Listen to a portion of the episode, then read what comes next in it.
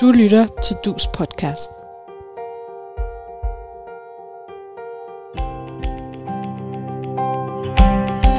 man slår på demonstranter? Må man nægte folk at stemme? Må man sige til en flygtning, at hun godt kan blive hjemme? Må man brænde gode bøger og nægte folk at tale? Må man spærre gamle inde, blot fordi de er lidt gale? Nej, nej, nej, nej, det må vi ikke gøre. Fy, fy, skamme, skamme, fy, fy, ah, ah, slamme, slamme, fy, fy, nej, nej, nej, slik, slut, forbudt Men hvad må vi så? Ved udgangen af 2021 trådte Danmark ud af FN's menneskerettighedsråd efter en treårig periode som medlem. Hvad har Danmarks internationale rolle været i forbindelse med menneskerettigheder, og hvordan er forholdet i dag, og hvordan manifesterer dette sig i forhold til udenrigs- og udviklingspolitik? Med dette vigtige spørgsmål kan jeg byde velkommen til denne DUS podcast. I løbet af tre afsnit vil vi sammen med eksperter undersøge Danmarks forhold til menneskerettighederne i et historisk, internationalt, praktisk og ikke mindst udenrigspolitisk perspektiv. Mit navn er William Nielsen. Jeg er først og fremmest kommunikationsmedarbejder her hos DUS, og samtidig er jeg også medlem af DUS' U35-afdeling. Det må vi ikke Fy, fy, skamme, skamme, fy, fy, ah, ah, slamme, slamme, fy, fy, nej, nej, nej, slik, slut, forbudt Men hvad må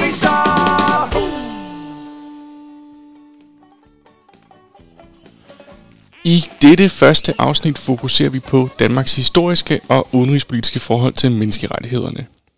Vi spørger om, hvad Danmark har bidraget med i forhold til menneskerettigheder, og om der er nogle meritter, vi kan være stolte af.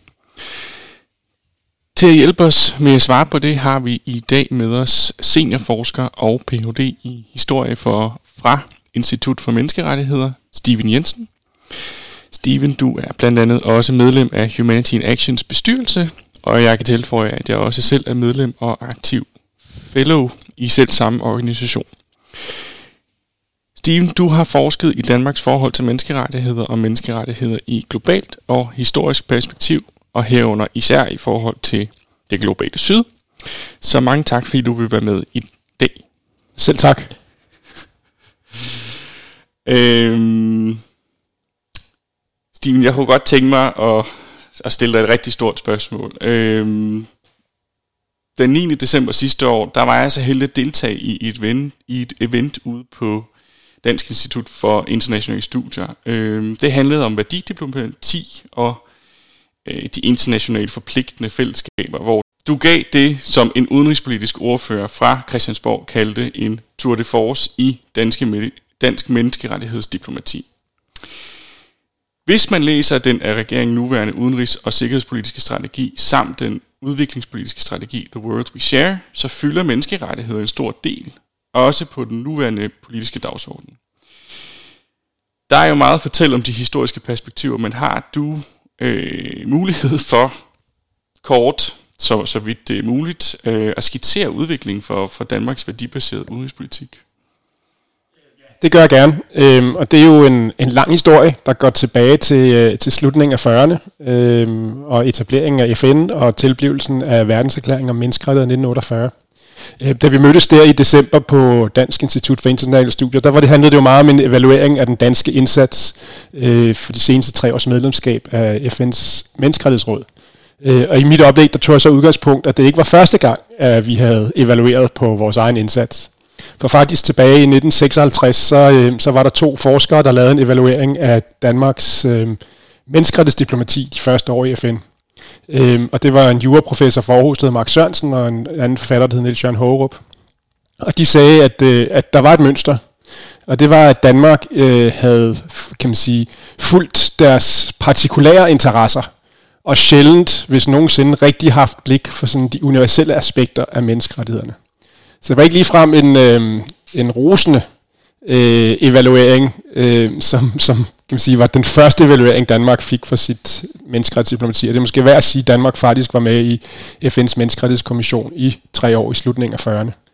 Øh, så vi var aktive. Øh, og der er nogle positioner, som jeg synes er, er lige værd at nævne, øh, for det er ikke en specielt gloværdig start. Øh, og øh, øh, en af de ting, som Danmark godt ville give køb på, det var faktisk øh, øh, religions- og trosfriheden i forhold til retten til at skifte religion.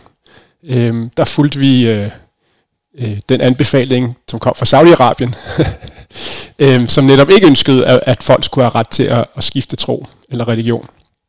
Øh, og det blev helt af brættet. Jeg synes, det var sådan en lidt mærkelig ting at se Danmark i den rolle, men, men det gjorde så blandt andet, at, at Pakistans udenrigsminister gik ind og, og sagde om, altså inden for islam, så skal man også have ret til det her. Ikke? Og det var jo et, et land, der talte med en vis autoritet mod Saudi-Arabien. Så vi har nogle mærkelige måder, vi positionerer på på det her tidspunkt. Øh, og det mest markante eksempel, det er, at øh, i kølvandet på, på verdenserklæringen fra 48, da man begynder at forhandle de her konventioner, det vi i dag kender som konventionen om borgerlige politiske rettigheder og konventionen om økonomiske sociale rettigheder. Så til den førstnævnte, under, øh, under den artikel, der handler om kampen mod tortur, eller forbud mod tortur, der er faktisk Danmark have, at, øh, at racehygiejne bliver skrevet ind som en beskyttet praksis i menneskerettighedskonventionen. Og det handler om tvangssterilisering af det, der hedder mindre bemidlet. Øh, og der må jeg sige, der faldt jeg lidt ned af stolen, da jeg i FN-arkivet fandt det der, for det havde jeg altså ikke hørt om før. Øh, og det er ret tydeligt, at det er øh, et, et dansk indspil, og det er ikke, kan man sige, bakket op af andre. Og det er jo fordi, det var en socialpolitisk praksis i Danmark, at man tvangsteriliserede mindre bemidlet. Øh, og, øh, og det blev hældt og brættet af nogle af de andre lande, øh, Frankrig, Libanon og også nogle NGO'er, som ligesom spurgte til Danmark, har I hørt, hvad der skete i nazistiske dødslejre ganske få år før? Ikke?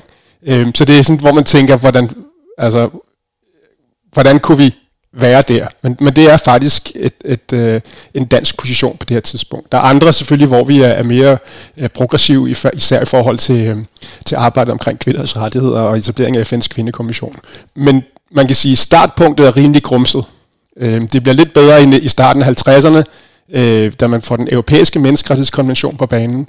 Øh, der er Danmark rimelig aktiv, og vi kan se fra debatten i Folketinget, som jo faktisk foregår samtidig med grundlovsrevisionen i 53, at, at man øh, for eksempel fra Socialdemokratisk side siger, at det er menneskerettighedsdomstolen, som er kronen på værket i det her system. Så man, man, der var man, kan man sige, noget villig til at gå, kan man sige, være, være mere øh, klar i mailet omkring ens øh, støtte til det europæiske menneskerettighedssystem.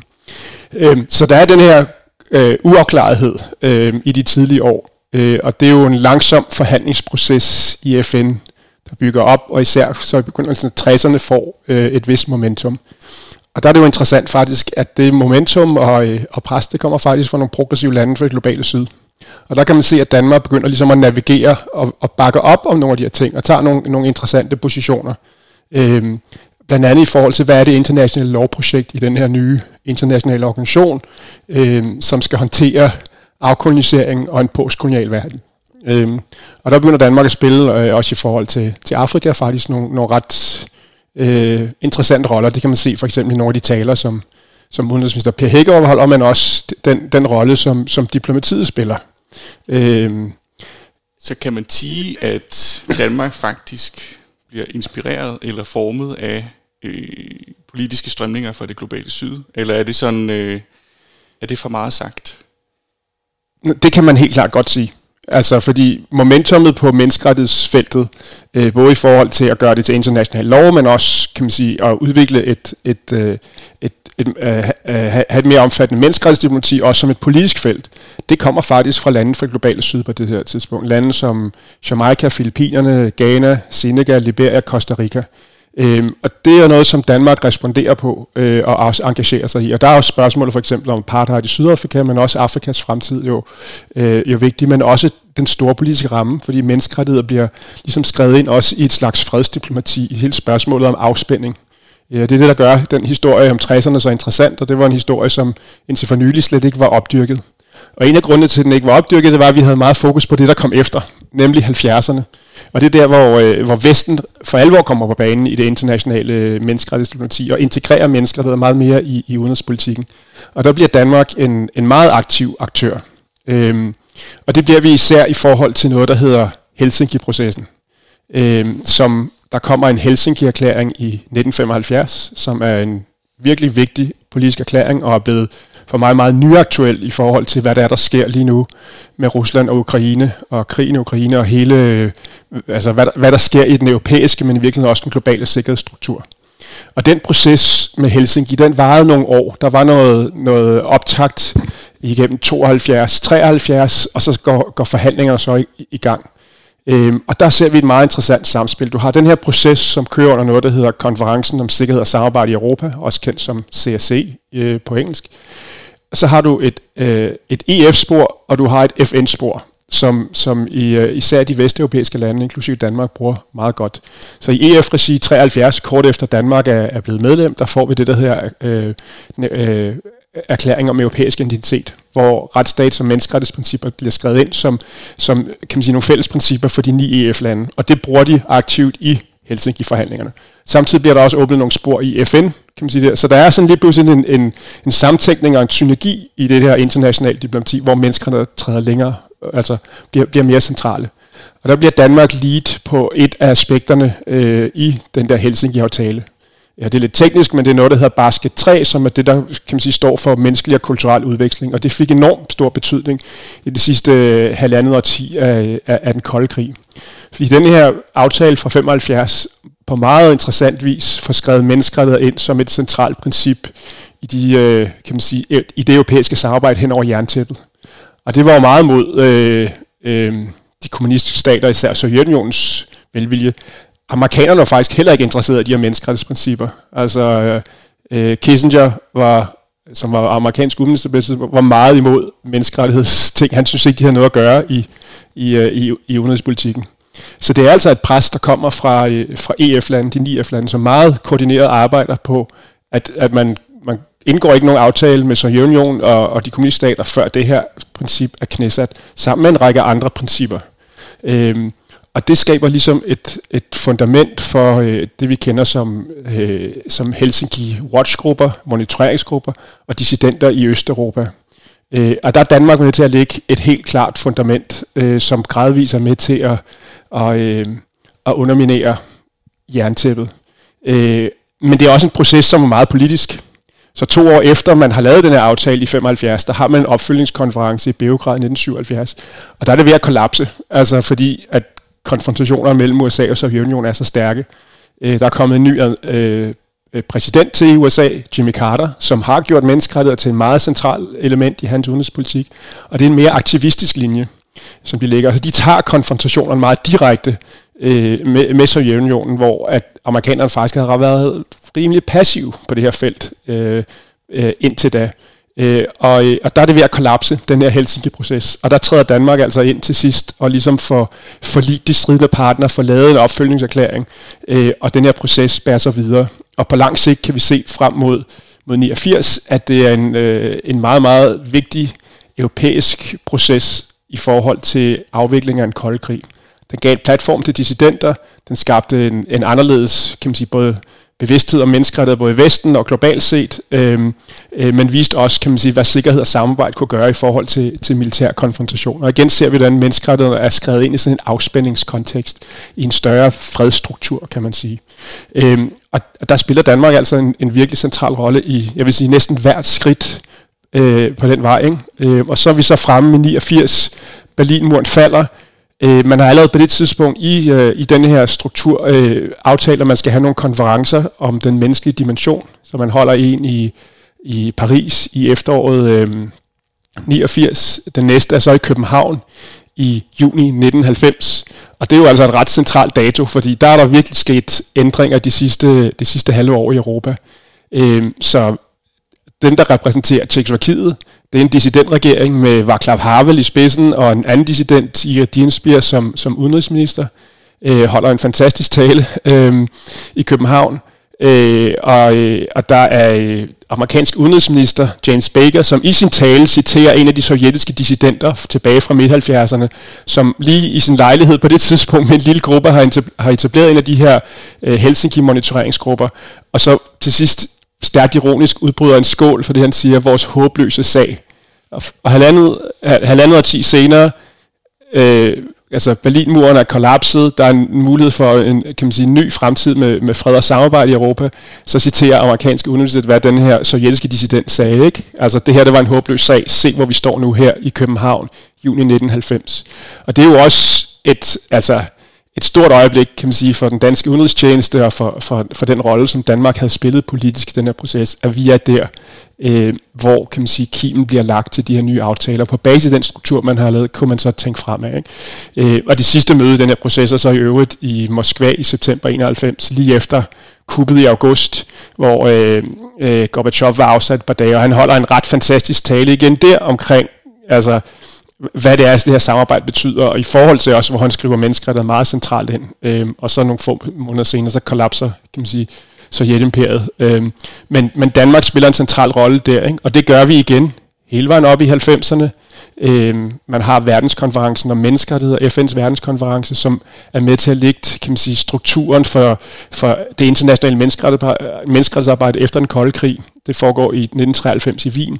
Danmark er formand for EU, øh, EF-EU på det tidspunkt, øh, så vi er jo den centrale forhandler øh, i det her spil. Ikke? Øh, og igen, en central rolle for noget, der i, stadigvæk har enorm betydning i dag her 30 år efter.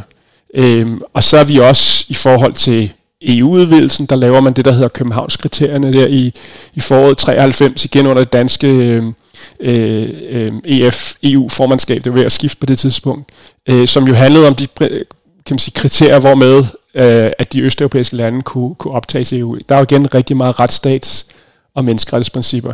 Og den sidste, kan man sige, i den her 90'er, den gyldne tidsalder, kan man sige, for dansk menneskerettighedsdiplomati, så er der jo også det FN's sociale topmøde i 95, øh, øh, hvor en meget, meget stor del af verdens ledere er samlet ude i Bella Center, og der er en kæmpe NGO-konference ude på Holmen, øh, med i hvert fald 10.000 mennesker, øh, som er med til at lægge kimen for øh, også kan man sige, det fremtidige udviklingsarbejde og en, og en diskussion omkring de sociale dimensioner af internationalt arbejde. Og hvis man ser på den aftale, som, som jo igen Danmark var lidt på som vært, er det interessant at se, hvordan ulighed faktisk bliver skrevet ind på det tidspunkt. Vi tænker meget ulighed som noget, der kommer efter finanskrisen i 2008 og med SDG-målene fra 2015, men det kommer faktisk ind på det tidspunkt, og det øh, lurer mig om, kan man sige, Danmark ikke også havde en finger i spillet der. Så det er sådan de der lange linjer, de første par årtier skulle vi lige finde os selv i det her, men så fra 70'erne og frem, så øh, øh, er det nogle, faktisk nogle, nogle meget, meget betydningsfulde øh, og nogle meget imponerende resultater, som vi opnår ved vores engagement. Og det er jo også, det er ikke bare fordi, vi står fast på nogle værdier, som er vores egne. Det er jo også fordi, vi laver en strategisk læsning af international politik. Hvad er det, der er behov for? Hvordan skaber man et fundament for alt det andet, vi laver? Altså, med internationale retsregler, men også fundament for vores sikkerhedsstrukturer og for samhandel og for udveksling. Øh, det, der kan være med til at sikre en, en mere øh, fredelig og stabil verden fremover. Øh, og, øh, så det er også en strategisk lægning, og så placere os de steder, hvor øh, man kan lave et bidrag, hvor vi kan spille en stor rolle. Øh, og de ting hang jo sammen med vores værdier og også vores interesser, også de principper, som vi ønskede at fremme. Øh, og det gør vi meget dygtigt. Øh, øh, ja, så det er ligesom hovedlinjen de første 50 år i den historie. Tak for den øh, indkøring i, øh, i de historiske perspektiver. Øh, du kom jo rimelig godt rundt om, om øh, både sådan, hvad man sådan, som dansker kan være stolt af i forhold til, til menneskerettighedsengagement, men også sådan om, hvordan man som småstat strategisk kan arbejde med det øh, udenrigspolitisk. Øhm, så snakker du også om det globale syd, og at Danmark måske er blevet formet af det, men og den her menneskerettighedskonference. Ja. Øhm, men hvad er status egentlig på, på sådan menneskerettigheder? Det kan både være dansk, men også i et globalt perspektiv i forhold til sådan, hvis vi skal se historien som en lang linje, eller konjunktur måske. Hvor, hvor er vi så henne på, på, på den skala lige nu i forhold til udbredelsen og arbejdet med menneskerettigheder og knægtelsen af menneskerettigheder, måske også omvendt? Ja. Øh, jamen, der er ingen tvivl om, at vi er et udfordret sted. Men så vil jeg også sige som historiker, vi har været udfordret rigtig mange gange undervejs i den historie, jeg har beskrevet. Og det er måske vigtigt at have det med. Altså, selvom vi kan se kriser og mennesker under pres, så har de også været det på andre tidspunkter. Og man har så fundet veje til at, og, øh, og, kan man sige, øh, og, øh, at modgå eller finde veje ud af de, de kriser og udfordringer. Altså den historie, jeg beskrev tidligere om, om 1960'erne, hvordan menneskerettighederne bliver, bliver vigtige, det er faktisk også i skyggen af Kuba-krisen på FN's generalforsamling 1962, at der kommer en ny vej, man tager. Øh, så der er nogle gange, hvor man har stået ligesom på kanten af afgrunden, som vi også lidt føler, vi gør nu, i forhold til, hvad er implikationerne af krigen i Ukraine. De, de er ret omfattende øh, potentielt, øh, altså globale. Der er nogen, der taler om et 1945 øjeblik. Der er også andre årstider, der bliver, eller årstal, der bliver brugt der. Men vi har set, hvordan mennesker, der har været en del af en strategi med at tage tilbage fra afgrunden for det internationale samfund. Så vi har været i krise andre gange. Men der er ligesom to elementer af det, du gør. Der er den danske, og så det internationale spor. Så lad mig prøve at svare kan man de her ting. Øhm, for det, som, som udenrigsministeren præsenterede på det der øh, event, du beskrev på Dansk Institut for Internationale Studier tilbage i december, det var jo en ny strategi og et nyt fokus, så hvor vi, vi fokuserer rigtig meget på vores værdier og vores interesser. Og der i mit oplæg der, der tog jeg op det der med, at, at jeg er ikke helt sikker på, at jeg ved, hvad danske værdier er i dag. Fordi jeg synes, jeg ser mange modeksempler. Syriens børnene, det vi laver i Rwanda, kunne man nævne som eksempler. Så hvad er helt vores værdier? Er de så fuldtonede på det her felt, som vi vil? Og så er der også en glidning, når man taler værdier og interesser. Så er det altså lidt en glidebane i forhold til, hvornår det er det ene og hvornår det er det andet. Øhm, øh, det giver rigtig meget politisk manøvrerum, hvis man bare kan vælge at stå på værdier, hvis det ikke lige det, så står man på sine interesser. Og der savner jeg måske et lidt stærkere fokus på nogle principper. Altså, det her det er virkelig det fundament, vi står på. Og det, det synes jeg øh, måske godt kunne være formuleret tydeligere i, i den linje, vi har i dag. Vi, vi er stærke på nogle, på nogle felter på menneskerettighedsområdet. Vi har gjort det godt som medlem af, af FN's menneskerettighedsråd, og det er også det, jeg hører, når jeg taler med, med øh, kan man sige, aktører i Genève, som ikke er kan man sige, som følger det, men ikke er danske, kan man sige, hvad man kan sige men neutrale observatører. Øhm, men, men hvor vi helt præcis står i vores eget, det synes jeg, man godt nogle gange kan, kan blive lidt usikker på. Hvad er danske værdier er nu 2022 i forhold til det internationale menneskerettighedsdiplomati? Øhm, det synes jeg måske er en lidt blandet landhandel. Så er der det internationale, og der er det måske godt at tage, kan man sige, tage den FN-ramme. Øh, for den er jo også helt klart udfordret. Der er ingen tvivl om, at FN også er udfordret af det, der sker i, øh, øh, i krigen i Ukraine, men før det er mange andre kan man sige, kriser og konflikter, som, som bare har varet ved de senere år. Ikke? Øh, men vi har altså et, et, et medlem af, af, af Sikkerhedsrådet, som bruger sin vetoret øh, i den her sammenhæng. Altså det er jo en udfordring for, for, for det system. Men hvis vi kigger på menneskerettighedsdelen, så er det jo også et, øh, kan man sige, et system, som har udviklet sig rigtig, rigtig meget. Der er rigtig, rigtig mange elementer. Det her, altså, der er meget monitorering, øh, der foregår rundt omkring. Der er et, altså et veludviklet system, og, øh, og man kan godt vælge at fokusere på menneskerettighedsrådet, og så kan man se, at der er problemer. Øh, der er lande, der blokerer. Der er nogle lande, som er der, som vi måske ikke skulle være der, på grund af de autoritære regimer. Og igen som historiker vil jeg sige, sådan var det også i slut-60'erne. Nogle af de her samme lande sad der og blokerede og kæmpede imod. Men prøv at se alle de resultater, vi har opnået på det her felt op gennem 70'erne og 80'erne. Øh, så det er ligesom det er en del af den virkelighed, der er i FN-diplomatiet, at der også er nogle aktører, hvis systemer, vi bryder os meget lidt om. Øh, men FN's menneskerettighedsarbejde er jo også et økosystem, som bevæger sig langt ud fra, øh, fra menneskerettighedsrådet ind i de forskellige organisationer, ind i forskellige komitéer, inklusiv de monitoreringskomitéer, som man har på menneskerettighedsområdet. Og der sker der jo rigtig, rigtig meget. Så det er sådan lidt en kaskade af, af niveauer og elementer, der foregår. Det er det, man skal have, have blik for. Der, der sker der faktisk også rigtig, rigtig mange øh, interessante ting. Altså, øh, øh, øh, og, og det, det samspil, det der økosystem, det er i virkeligheden det, som vi skal forstå bedre, hvis vi skal kan man sige, tage temperaturen på det internationale menneskerettighedsarbejde. Fordi i virkeligheden er det noget med, hvor der både er små fremskridt og lidt større fremskridt, og også nogle virkelig tilbageslag.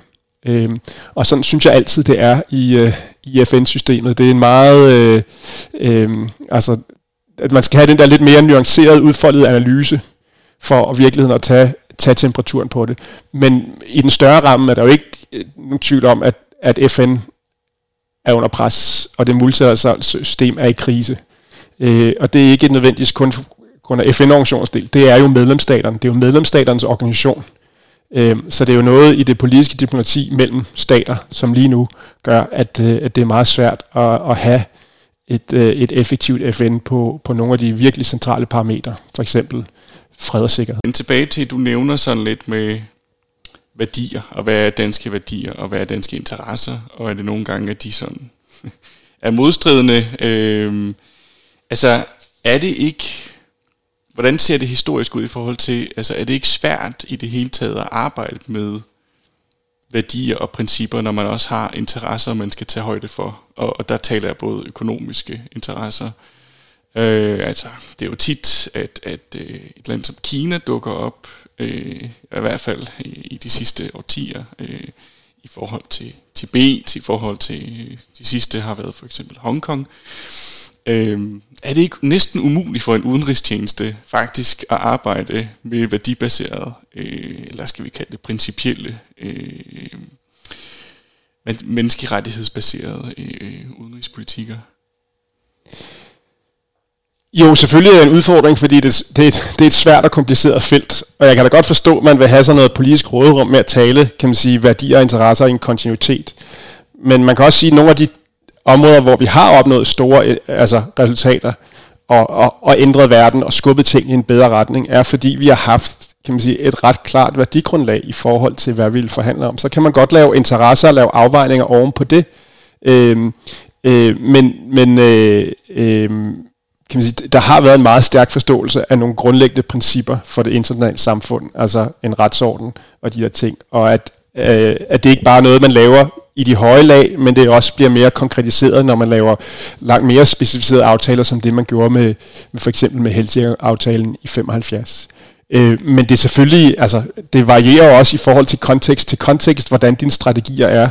Øh, hvad kan du nå på kort sigt, hvad kan du nå på lang sigt? Øh, men derfor synes jeg stadigvæk, det, det er vigtigt, at man, man, man, har, øh, man kan man sige, har et klart fokus på, at der er nogle værdier og principper, som, som øh, også giver en, øh, øh, altså, giver nogle langsigtede gevinster. Man kan godt høste noget på de kortsigtede interesser, men, men øh, er det nu også godt? At den måde, vi har engageret med Rusland på og lade oligarkerne indtage men det her måske var nogle økonomiske interesser, som har været meget sunde. Det kan du se på, på hvordan London ser ud i dag, men også andre steder med, med gyldne visa. Øh, men hvor var værdierne, og hvor var principperne i det der, og, og hvordan har det svækket de vestlige samfund? Kan man sige. Altså, så det øh, illustrerer det der samspil mellem værdier og interesser.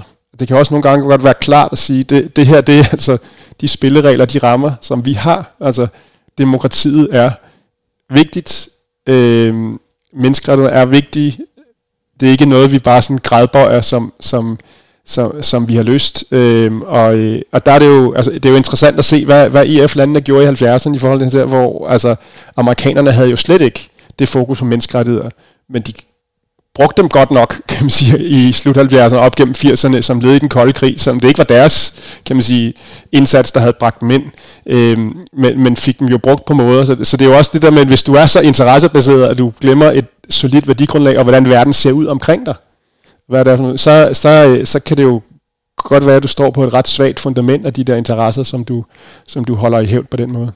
Men, men det er selvfølgelig en kompliceret dynamik øh, i det samspil mellem værdier, principper og interesser. Det er der jo ikke nogen tvivl om. Det er jo en af kan man sige, diplomatiets udfordringer, både også en af dets forser at håndtere det på, på hensigtsmæssige måder.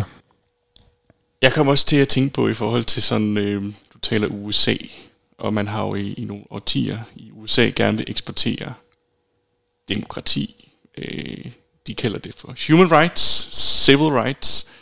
Øh, og der er jo altid den der sådan sondring mellem de borgerlige rettigheder, som du nævner, og så sociale og økonomiske rettigheder. Øhm, hvor gode har man egentlig i Vesten, hvis vi skal kalde det for Vesten, været til at, at eksportere sociale og økonomiske rettigheder? Er det måske egentlig en af udfordringerne historisk set i forhold til, at, at, at menneskerettigheder og demokrati måske er i retræten i, i, i mange lande, og at for eksempel, at, at Rusland har... Øh, har invaderet Ukraine nu, altså at, at, at, øh, man har ikke fået det der demokratiske gennembrud i, i mange lande, og menneskeretlige gennembrud. Altså jeg, jeg mener helt klart, at det er et, et fejl, at man fra Vesten ikke har taget sociale og økonomiske rettigheder øh, mere seriøst. Øh, fordi det er altså nogle principper, som skal forstås som øh, altså udelelige og øh, indbyrdes afhængige. Og det er sådan noget, man siger i FN-proklamationer, og, og det lyder meget flot. Men jeg vil igen sige, som historiker, når jeg har kigget på, på de her ting, så mener jeg faktisk, det er også et empirisk baseret udsagn. Øh, at, at samfund bliver stærkere i deres funktionsevne, når de kan arbejde på hele spektret af civile, politisk, økonomisk, sociale og kulturelle rettigheder. Øhm, og, øh, og der synes jeg måske, at vi i Vesten skulle til at vågne lidt op til, hvad det vi egentlig gør, i for eksempel gennem vores internationale finansielle institutioner. Øh, den internationale valutafond afviser jo nærmest stadigvæk fuldstændigt, øh, at, at de har nogle forpligtelser over for menneskerettigheder.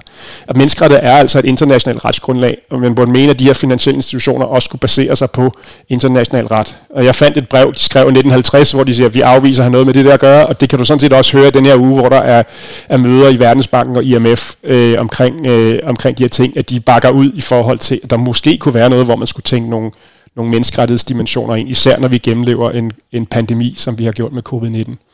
Øhm, så jeg, jeg synes, at, at Vesten har været relativt svage der. Og det, der er interessant også, det er, at vi har jo den der traditionelle fortælling fra den kolde krig og menneskerettighederne, at Vesten de stod på civile og politiske rettigheder, og de kommunistiske lande stod på økonomiske og sociale rettigheder. Det var sådan en ideologisk kamp. Øhm, og det er altså en sandhed med modifikationer, som vi ser, da, da, da konventionen om øh, økonomisk, social og kulturel rettigheder bliver færdigforhandlet i 1966 hvad er det for et land, der vil have de mest vidtgående monitoreringsmekanismer i den konvention? Altså det, som, som kan man sige, gør, gør landene accountable i forhold til opfølgning og implementering af de her rettigheder. Jamen det er altså USA. USA vil have de mest vidtgående monitorering af, hvordan stater implementerer konventioner om økonomiske og sociale rettigheder, efterfulgt af Italien. Så Sovjetunionen vil ikke have det her. Det er fordi, de ikke vil have den der internationale ansvarsstillelse, altså accountability, som jeg kaldte det før, i forhold til, til menneskerettigheder. Og det her det er jo et helt grundlæggende moment i international menneskerettighedslov. Altså, altså det, er der, det er der, man ligesom vedtager den her konvention. Og amerikanerne under Lyndon Johnson, som jo på det tidspunkt havde gang i War on Poverty og Great Society, det var den der liberale strømning omkring politik, som ville løse de her fattigdomsudfordringer og den ulighed, der var.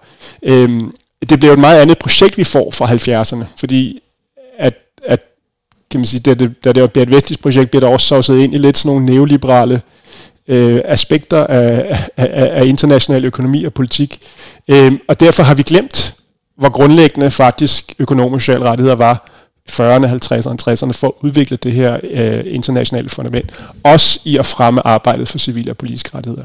Så det er lidt en fejl øh, øh, i, øh, i, kan man sige, i vestlig politik, at vi ikke har været stærke nok, og vi har været meget sene til at, at tage økonomisk socialt rettet op. De er jo en del af kan man sige, det udviklingspolitiske arbejde, øh, men det er tydeligt, at, øh, at vi, vi skal presse menneskerettighedsarbejdet ind i de internationale finansielle institutioner, og gøre dem ansvarlige for eksempel. Det burde, det burde være en opgave, øh, og det kan vi se meget tydeligt med, med de økonomiske eftervirkninger af covid-19-pandemien.